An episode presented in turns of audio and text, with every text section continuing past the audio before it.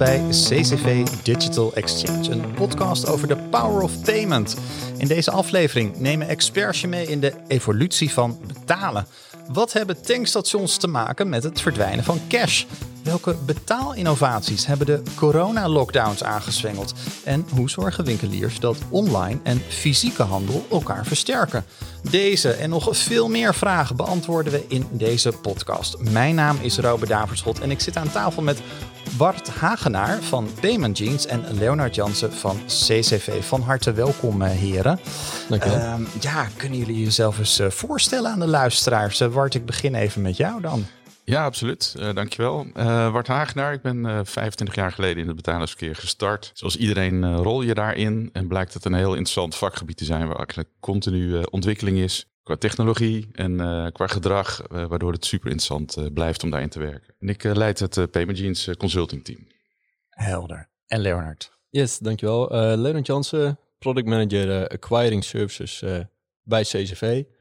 en in die hoedanigheid continu op zoek naar vernieuwingen in, uh, in betaaloplossingen en uh, betaalmethodes die uh, waarde toevoegen voor, voor onze merchants. Ja, een heleboel Engelse termen, maar, maar jij helpt echt de klanten met, met de introductie van nieuwe producten om ook echt, om ook echt die in, infrastructuur helder te, te krijgen en om dat op orde te hebben. Ja, ja we proberen echt samen met, met de klanten de klantbehoeften vast te stellen ja. en dat te vertalen naar, naar nieuwe eenvoudige betaaloplossingen die, die echt de, de, de merchant helpen de consumenten makkelijker te laten betalen, de omzet te verhogen. Ja.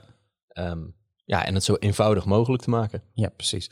Nou, kortom, er zit een bak aan ervaring hier aan tafel. En we gaan het dus hebben over de evolutie van betalen. Uh, ja, ik zat zelf in de aanloop naar deze podcast te denken van... ja, de evolutie van betalen, wat voor herinneringen heb ik daar zelf eigenlijk aan?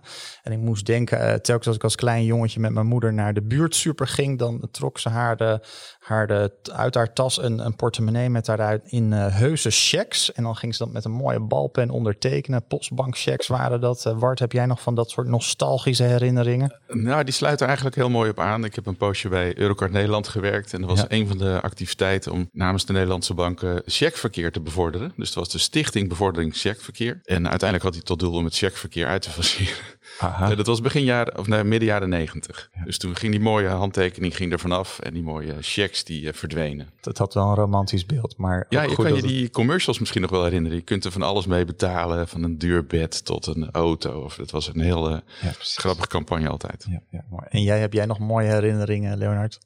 Nou ja, um, eigenlijk uh, als hele kleine, kleine jongen bij de bank in de rij voor, een, voor een raam wachten tot, tot je aan de beurt was. Ja. En uh, vrij kort daarna natuurlijk uh, de reclames met uh, je mag alles van me weten behalve mijn pin. Ja, precies. Met een, met een deuntje die dat altijd is blijven hangen. Dat je nog kunt dromen. Dat je nog kan dromen. Dus ja. eigenlijk zou ik, zou ik het dus moeten opzoeken op, op YouTube. Daar staat ongetwijfeld die reclame op. Ja, precies. Leuke herinnering. Leuke flashbacks inderdaad, ja. ja. Ik zei het al, hè, we gaan het hebben over die evolutie van, uh, van betalen. Uh, en ik kan me zo voorstellen, ja, jullie zitten daar eigenlijk elke dag met een neus bovenop, toch? Jullie zijn getuigen van, van al die ontwikkelingen. Hoe is dat voor jou, uh, Leonard? Ja, fascinerend eigenlijk, want er gebeurt heel veel. Um, we hebben eigenlijk niet door hoe in de loop der tijd de veranderingen plaatsvinden. Omdat we het zo ja, in dagelijks gebruik komen we telkens tegen. Ja. Dus het gaat heel stilletjes. Hè, dat, uh, afhankelijk uh, natuurlijk ook als consument sta je natuurlijk heel vaak uh, bij de ATM of bij de geldautomaat ja. geld op te nemen. Ja, en in de loop der tijd, heel onbewust, is dat steeds minder geworden. En dat komt gewoon door de ja, toch goede betaalinfrastructuur die we in Nederland hebben. Ja, ja, ja. Nu, nu ben jij een jonge vent, maar voor de goede orde, CCV bestaat al, al 60 jaar of, of langer, geloof ik, hè? Ja, ja CCV bestaat al meer dan 60 jaar. Ja. Um, en ook een hele vroege speler in het, uh, in het betalingsverkeer. Ja. Uh, dus we hebben daar heel veel ervaring in. En dat, uh, ja, dat zie je door de hele organisatie terugkomen. Ja. ja dus dat is ook het mooie van CCV. Dat je, je hebt een, een basis met, met jarenlange ervaring in de betaalwereld. En dat gaat zeg maar door, de hele, door het hele bedrijf heen, van jong tot oud. Ja, dus innovatie en wat is nu echt nodig en wat de, de ervaring van de jaren die is opgedaan, dat komt heel mooi bij elkaar. Ja, dus het oude en het nieuwe, dat, dat versterkt elkaar bij jullie. Mooi. Ja, ja. Uh, ja Bart, hoe ver gaan we de luisteraar mee terug in de tijd nemen als we zeggen evolutie van betalen? Wat zullen we eens doen? Ja, ik zou zeggen eind jaren tachtig. Toen okay, uh, het betalen met je bankpas, debitcard uh, begon uitgerold te worden. Uh, de betaalinfrastructuur werd neergezet, waar CCV een van de belangrijke spelers is die de markt heeft ontwikkeld. Ja. Dus van, van cash naar elektronisch betalen is toen echt grootschalig gestart.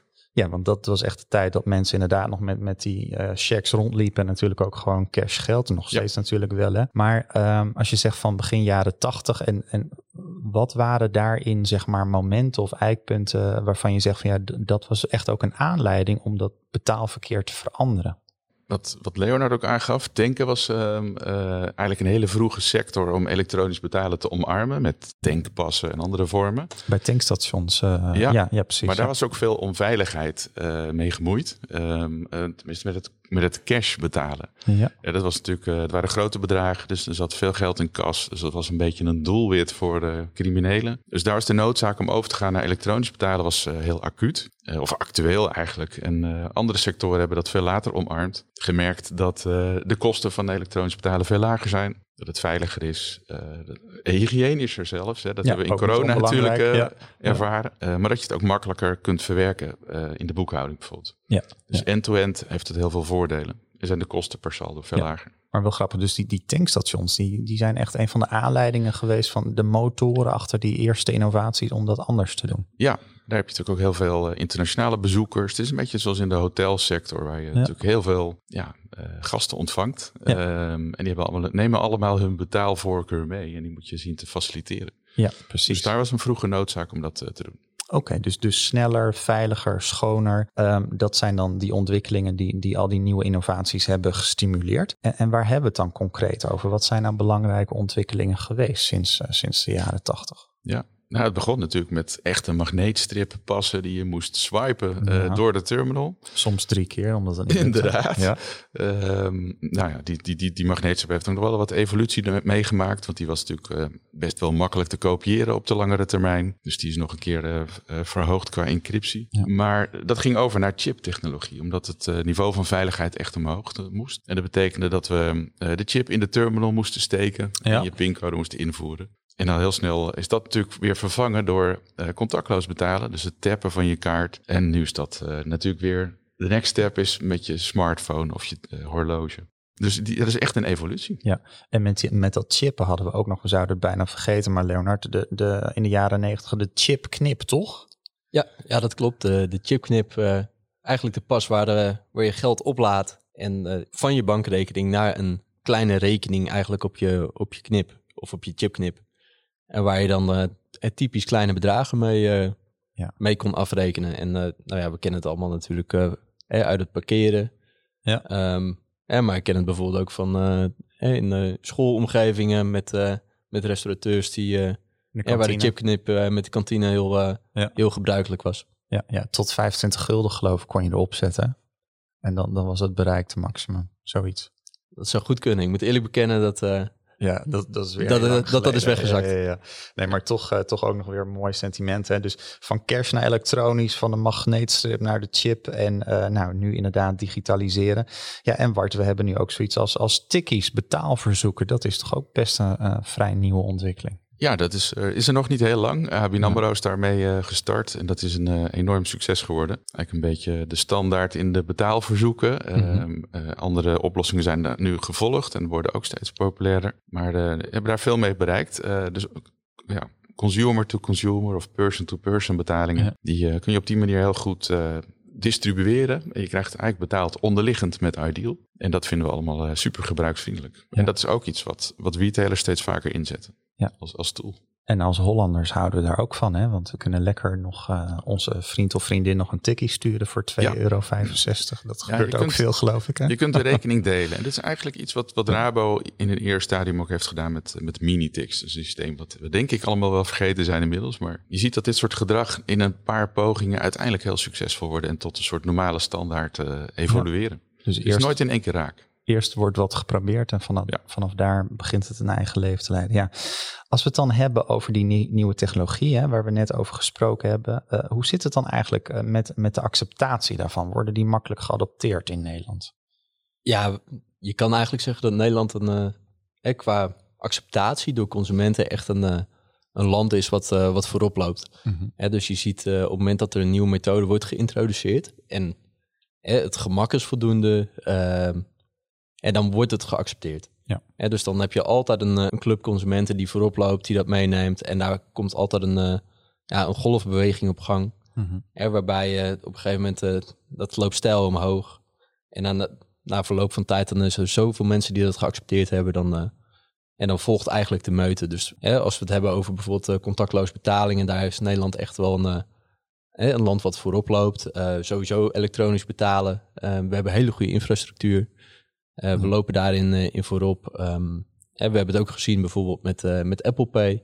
Ja. het moment dat dat werd geïntroduceerd, heeft het een enorme vlucht genomen. Eigenlijk, we waren vrij laat met, als eerste land om het te, of als land om het te introduceren. Maar toen het eenmaal geïntroduceerd was, ja, was de golfbeweging niet te stoppen. En dat eigenlijk alle Apple-gebruikers, of alle Apple-gebruikers overdreven, ja. Maar heel veel Apple-gebruikers zijn uh, heel snel overgegaan op het gebruik van, uh, van Apple Pay. Ja, ja. en dus, dus we zijn zogezegd early adopters, uh, zo lijkt het, als het gaat om die nieuwe oplossingen. maar toch, Wart, als we even teruggaan naar bijvoorbeeld naar die introductie van die, de, de kleine betaalterminals, daar was destijds best wel wat zorg over, toch? Ja, dat was natuurlijk een hele nieuwe vormfactor. En um, zeker retailers, merchants, ja. waren natuurlijk gewend aan de fysieke verschijningsvorm van een serieuze terminal. Die zag er op een bepaalde manier uit en die stond heel stabiel op een, uh, op een balie opgesteld. Ja. Gekoppeld aan de kassa. En dit was opeens een heel klein kastje wat er een beetje uitzag als de tokens die je gebruikte voor uh, internetbankieren ja, kan ik daar dan een pincode mee gaan uh, faciliteren? Of ja. uh, daar moest wat vertrouwen in worden opgebouwd of dat wel veilig was en stabiel. Nou, het was ook niet altijd even stabiel, denk ik. Nee. Um, maar hij heeft uh, aan de onderkant van de markt weer enorme ja, bijgedragen aan het uitfaseren van cash. Mooi, ja. ja. En dus dat, dat was even wat, wat haperend misschien, maar nu het er eenmaal is, bijvoorbeeld ook een Apple Pay en een Google Pay, ja, ehm, je zei in het voorgesprek, uh, Wart, ja, mijn dochter had dat in, in 30 seconden op haar telefoon geïnstalleerd. Ja, in de rij, terwijl ze stond, uh, ze had al iets geselecteerd, ze wilde gaan afrekenen. Ze dacht, dat, ja, dat ga ik eigenlijk met Apple Pay doen. Dus ze heeft dat echt, uh, dat is zo vlot te activeren. Dus stelt zich ook geen vragen hoe dat werkt. Ze doet het en het pas. On the spot, gewoon in ja. de winkel, hupsakee, heeft ze dat meteen uh, gedaan. Ja, ja. En dus die acceptatie, nou, dat gaat dan in Nederland vrij vlot. Um, als we nu kijken naar de afgelopen twee jaar, liever niet, hè, corona, maar toch, uh, als we het hebben over de, de lockdowns in relatie tot, tot betalen, heeft dat nou een hele grote impact gehad op uh, hoe we daar anders mee om zijn gegaan met betalen? Ja, toch wel. Dat, uh, aan het begin van de coronacrisis hebben we binnen CCV best wel heel veel telefoon gekregen van hoe moeten we nu bijvoorbeeld een betaalterminal schoonmaken. Ja. Um, omdat consumenten toch niet ergens aan willen zitten in zo'n pandemie. Als het niet hoeft.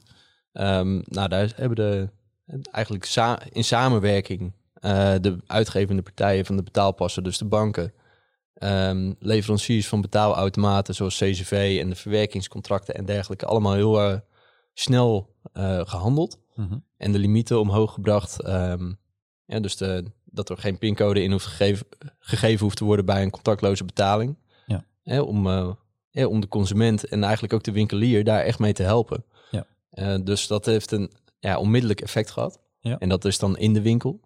En dan hebben we het uiteraard nog niet over het, uh, de winkels die gesloten zijn, uh, nieuwe manieren zoals click en collect. Ja, dus online bestellen, in de winkel ophalen. Dat zijn allemaal vormen die ontstaan zijn of versneld, versnelling hebben gekregen, juist door, ja door corona. Ja. Zou je nou kunnen zeggen dat, dat, dit, uh, dat corona de nekslag is voor cash payments?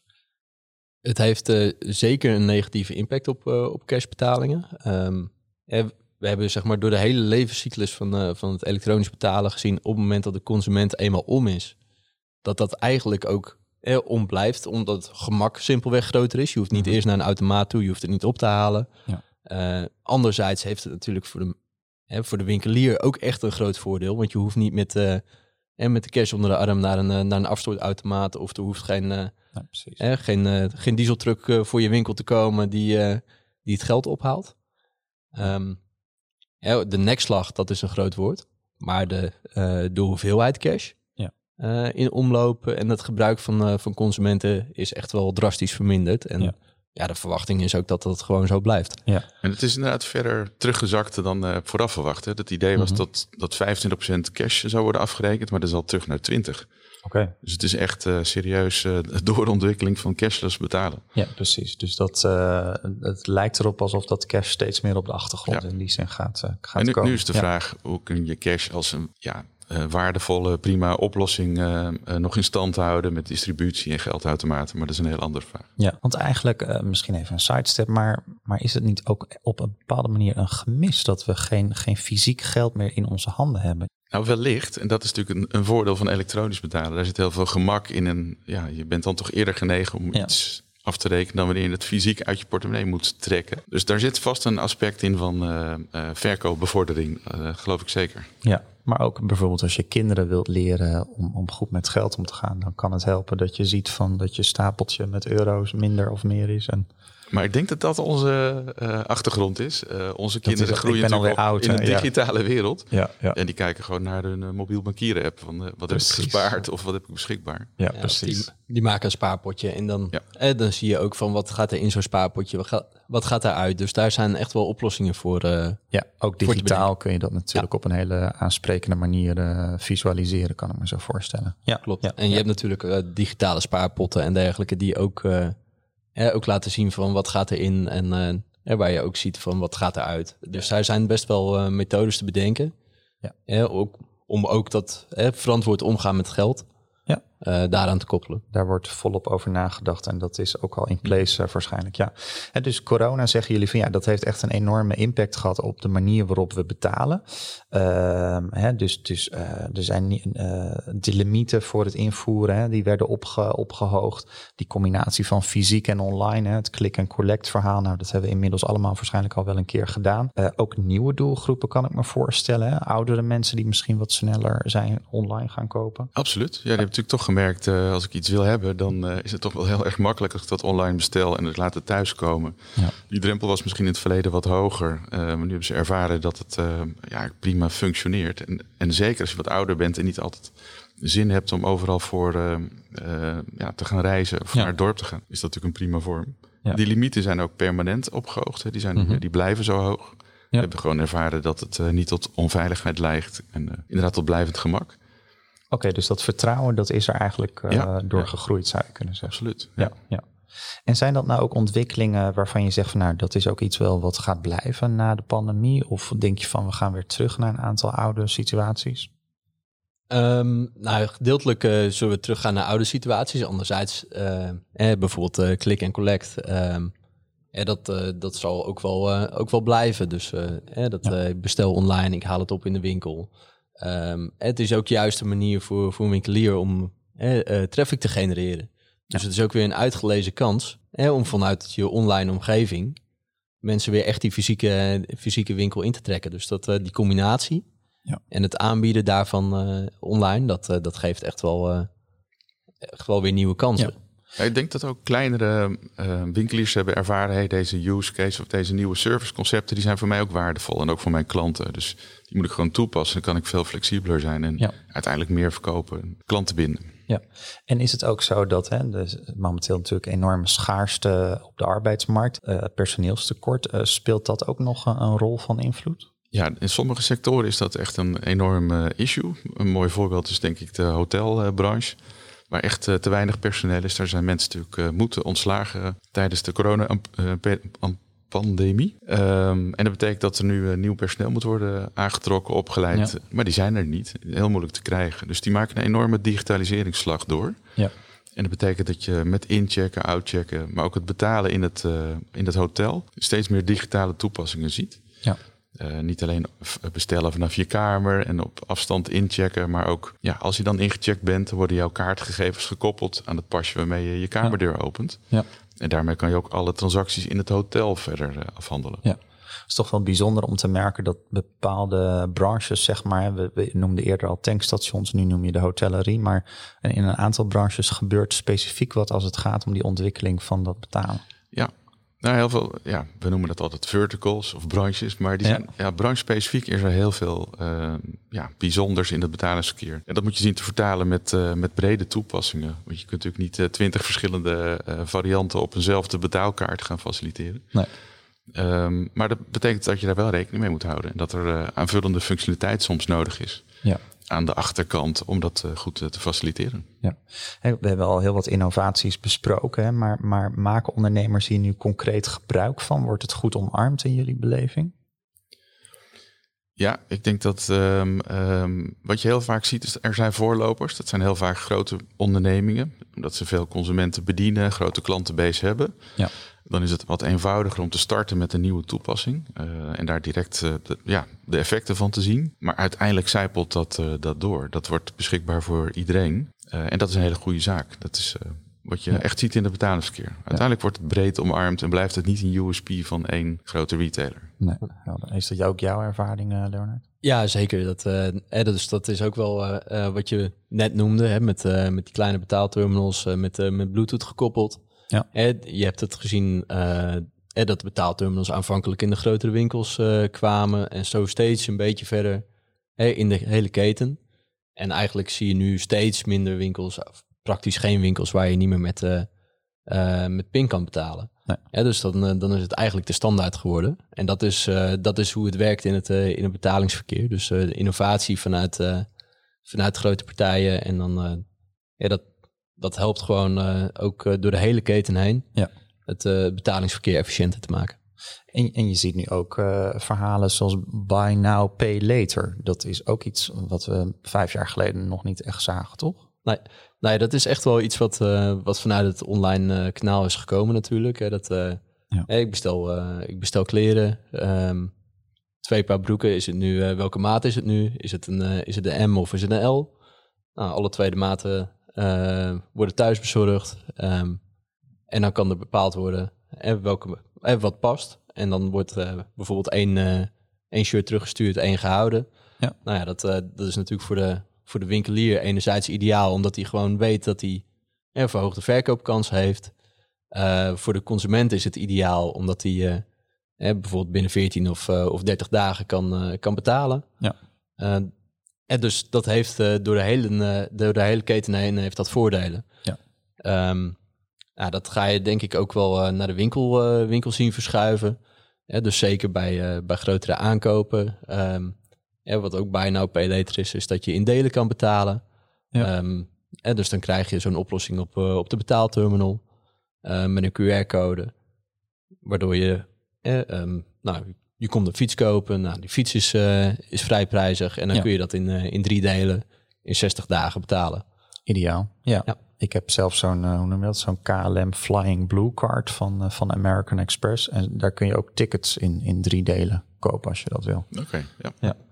Want daarover gesproken, hoe zit het ook als het gaat om loyaliteit van, van uh, consumenten richting bedrijven en in relatie tot betaalmiddelen? Hè? Ik noem zo'n KLM-kaart, maar er zijn mhm. misschien andere voorbeelden ook. Ja, er zijn heel veel voorbeelden. Um, natuurlijk de grote uh, bekende programma's, zoals bij de Bijenkorf en bij KLM. dat zijn wel de grootste loyalty-programma's die, en naast de, de Bedwell-wereld, die natuurlijk altijd zijn spaarprogramma's heeft gehad. Ja. Uh, maar je ziet ook op veel kleinere schaal dat er allerlei toepassingen zijn om winkeliers te ondersteunen met, uh, met loyalty-programma's. Maar ze dan echt te digitaliseren. Uh, want we vinden het toch wel vervelend om weer een stukje plastic toe te voegen of een papieren kaartje. Ja, die manier. Ja. dus ook daar zie je een, een digitaliseringsslag. Ja. Met allerlei toepassingen. En met QR-achtige ehm, ja, oplossingen kun je dat soort ehm, ja, vormen van klantloyaliteit wel degelijk bedienen. Ja. En hoe kun je dat bijvoorbeeld doen uh, als, als bakker op de hoek van de straat? Kun je dan ook al dat soort fancy uh, technologieën toepassen? Of moet je dan echt een wel wat groter bedrijf zijn? Nou, uiteindelijk is de bakker op de hoek is heel erg gebaat bij loyaliteit. Die wil natuurlijk heel vaak dezelfde mensen met hele hoge regelmaat terugzien. Dus daar is het heel erg nuttig voor um, en, en, en relevant. Dus daar uh, speelt dat ook voor. Uh, maar die wil natuurlijk niet de administratie en de romslomp van nee. uh, het onboorden van mensen in een loyaliteitsprogramma. Dus dat moet echt wel in alle opzichten eenvoudig zijn. Ja. Ook in de uitvoering voor hem om dat te ondersteunen. Dan zal hij dat zeker omarmen. Oké, oké. dus uh, wie weet uh, is de bakker inmiddels geprikkeld om eens uh, te gaan kijken. Um, als we het hebben over, hè, we hebben het over die evolutie gehad en er zijn heel veel dingen voorbij gekomen. chipknips, het veiliger betalen bij tankstations enzovoort. Als we kijken naar de klantwens anno nu, 2022. Wat zijn zeg maar twee, drie dingen waarvan je zegt van nou, zorg dat dat in play, place is of, of dat is in ieder geval heel actueel? Nou ja, wat sowieso uh, actueel is, is natuurlijk uh, debit, Mastercard en, en Visa debit. Mhm. dus de, de schema's, betaalschema's die Maestro en, en VPay op termijn um, gaan vervangen. Ja, VPay blijft, blijft bestaan. Dus maar uiteindelijk gaat dat nieuwe mogelijkheden bieden, omdat dat, we hadden het net eigenlijk al over bij Now Pay Later met van online naar in-store. Ja. Um, en eigenlijk uh, biedt uh, Debit Mastercard en Visa Debit bieden weer mogelijkheden van in-store nou online. Hè? Mhm. Dat is uh, juist omdat daar hele nieuwe mogelijkheden aan vastzitten. Ja. Um, wat het zo interessant maakt, ook voor de winkelier. Wat in Amerika al uitgebreid gebeurt, hè? Ja, geloof ik. Ja, het zijn bestaande debitproducten, maar die worden in Europa nu uitgerold en zeker in Nederland. Het grote voordeel is inderdaad dat ze in alle kanalen functioneren en dat ze de functionaliteit hebben die um, uh, ja, veel verder reikt dan de bestaande debitcardproducten Maestro en VPay die we nu voeren. Dus dat biedt iedereen uh, meer mogelijkheden. Je kunt bijvoorbeeld uh, straks een, een, betaling naar zo'n kaart doen. Bijvoorbeeld als retailer zegt, nou, mijn klant is voor de tiende keer terug. Hij krijgt nu een 50% korting op zijn transactie. Ja, precies. Of ik wil zijn parkeergeld vergoeden, ik noem maar iets. Ja, ja. Op die manier kun je daar dan mee omgaan.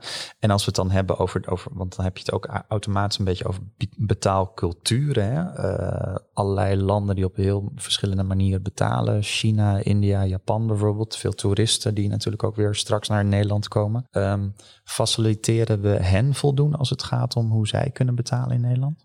Nou, ik denk dat we daarin uh, inzien dat we wat we online al heel goed doen. Dus de, inderdaad, als je cross-border iets verkoopt, dat je dan de betaalcultuur van het land moet ondersteunen. Hè. Dus uh, CCV is een bankcontact uh, acquire bijvoorbeeld. nou, dat is heel belangrijk. En in Nederland is Ideal natuurlijk super relevant als je online iets wilt verkopen. Nou, in de fysieke winkel wordt dat steeds meer vertaald. Dus als je inderdaad Aziatische bezoekers hebt, ja, dan, dan moet je iets doen met, met Alipay of WeChat Pay of ja. UnionPay, GCB, noem maar op. Ja. We doen dat natuurlijk ook met uh, de internationale debitcard uh, brands uh, van Mastercard en Visa, die echt enorm bereik hebben over de hele wereld. Ja. Groter ook dan de oude brands, dus dat heeft duidelijk weer een positief effect. maar eigenlijk is dat wel een vertaalslag van online ondersteun gewoon de cultuur die de, de consument um, ja, wil of gewend is, dan zal die ook meer besteden. Ja, precies. Nou, als winkelier moet je daar denk ik wel heel kritisch ook naar kijken. Hè, van uh, wat heb je echt nodig? Want ik kan me voorstellen dat, uh, uh, nou ja, ben jij een winkelier in, in Broeksterwoude of, of Damwoude, en dan heeft dat minder relevantie dan dat je in het, in het centrum van, van Amsterdam zit. Ja, dus daar zijn wel, en dan moet je keuzes in maken van wat heb je wel nodig en wat heb je niet nodig. Ja. ja dus op het moment dat je vandaag ervaart van eigenlijk kan ik gewoon mijn klanten ondersteunen zoals ik dat wil. Ja. of eigenlijk zoals de klant dat vraagt hè, dan, uh, dan zit je ook goed. Ja. Hè, dus als winkelier heb je daar wel, uh, denk ik, uh, doe je er verstandig aan om te kijken van wat heb je, heb je dan echt nodig. Ja, gewoon kijken van wat, wat heb ik nu al en wat is er mogelijk en van wat er mogelijk is, is dat ook daadwerkelijk relevant voor, voor mijn onderneming. Exact. Ja, helder. Goed, we hebben heel wat bij de kop gehad, heren. De evolutie van, uh, van het kunnen betalen. Uh, als we het nou hebben over de toekomst, een stip op de horizon. Wat zijn nou zaken waarvan je zegt van nou, daar word ik wel echt, uh, ja, daar krijg ik wel een kriebel van in mijn buik, Wart. Waarvan ik denk van nou, dat vind ik wel echt heel erg leuk als dat gaat komen. Ja. Nou ja, wat je natuurlijk nu ziet, dat card-free payments al een heel belangrijk onderdeel uitmaken van contactloos betalen. Dat betekent dus met je mobiele telefoon of horloge of ring afrekenen. Ring zelf, zeg je. Ja, er zijn ook uh, ringen die uh, contactloos betalen ondersteunen. Um, niet heel veel gebruikt, maar ze zijn er. Dus al, de verschijningsvorm maakt eigenlijk niet meer zoveel uit. Nee. Je kan het overal in onderbrengen. Het kan zelfs in je auto worden geïntegreerd. Dus uh, in-car payments. Maar um, eigenlijk het verder virtualiseren van, van betalen. Dus met technieken zoals tokenization. Dat wordt heel erg relevant. En daardoor kun je een betere gebruikservaring faciliteren. Kijk, dat, dat, zijn ook weer spannende termen. Daar, komen we ook nog over te spreken op een laatst moment. Maar Leonard, hoe is dat voor jou? Uh, ben jij momenteel met iets bezig waarvan je zegt van nou, dat is wel toch wel echt iets spannends of bijzonders? Nou ja, de tokenization is natuurlijk een hele mooie, mooie oplossing. Hè? Dus het eenvoudig maken van, van betalingen. Um, en op termijn ehm, denk ik dat het, zeg maar, het, de virtuele terminal, en dat duurt nog wel even. Als je niet zoveel betalingen hebt, en in volume zeg maar, ja. dan, dan is het zeker interessant om, om straks een virtuele terminal op bijvoorbeeld je telefoon te hebben draaien. En zodat je toch, ondanks dat je heel weinig eh, betalingen accepteert, niet de noodzaak hebt om, om met cash op zak over straat te gaan. En dat is een, denk ik, een mooie, mooie nieuwe ontwikkeling. Klinkt allemaal spannend. Uh, er is al heel veel gebeurd, zei ik. En uh, zo te horen in uh, jullie laatste reacties gaat er vooral ook nog heel veel komen. Dank jullie wel, heren, voor nu. Ja, ehm, er is heel veel veranderd in de afgelopen decennia. Zoveel is duidelijk. We gingen van cash en, en checks naar elektronisch betalen. En inmiddels zien we dus die hele waardevolle wissel, wisselwerking tussen de online en de offline wereld. Nou, dankzij deze nieuwe technologieën en toepassingen kunnen bedrijven zich beter aanpassen aan wat de wenst. Jullie luisterden naar CCV Digital Exchange, een podcast over de power of payment. Wil je nu geen enkele aflevering missen? Abonneer je via jouw favoriete podcast-app. Mijn naam is Robert Daverschot. Bedankt voor het luisteren en graag tot een volgende keer.